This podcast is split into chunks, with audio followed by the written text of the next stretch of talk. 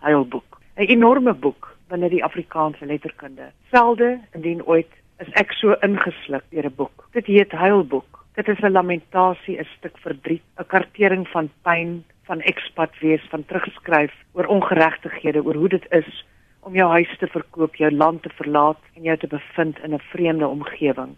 Dit is Nieu-Seeland. Afwisselend tussen woede en verdriet word hierdie boek voor jou neergewerp. Dit is 'n eie sinnige boek. Dit is 'n mooi boek. Dit is 'n boek wat opgedra is aan Tini Du Plessis, wat ook oorlede is en 'n vriend en mede-uitgewer was van Ryk Atting. Nou is Ryk nie meer met ons nie. Hy het op sy dag geweldig baie gedoen om die stilgemaakte stem in die Afrikaanse letterkunde na die boogrond te bring.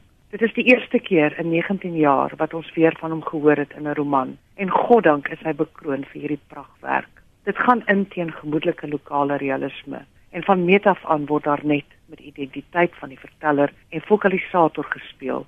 Hier het hy sy stem gevind. O aarde, soos 'n vonk, ons is ook onkenbaar. Jy kan by 'n vuur staan, jou hande oopmaak en die hitte teen jou palms voel, maar jy kan nie 'n vonk vang nie. Dit is te vinnig, soos lig of soos spermselle, daar duisende, miljoene selfs en met aksie gaan jy nêrens kom nie. staan daar op bladsy 33. En dit is hoe hierdie skrywer was. Hy was 'n vonk. Hy was onkenbaar. Hy was 'n ongelooflike mens en hy het vir verskeie skrywers in die Afrikaanse letterkunde baie beteken.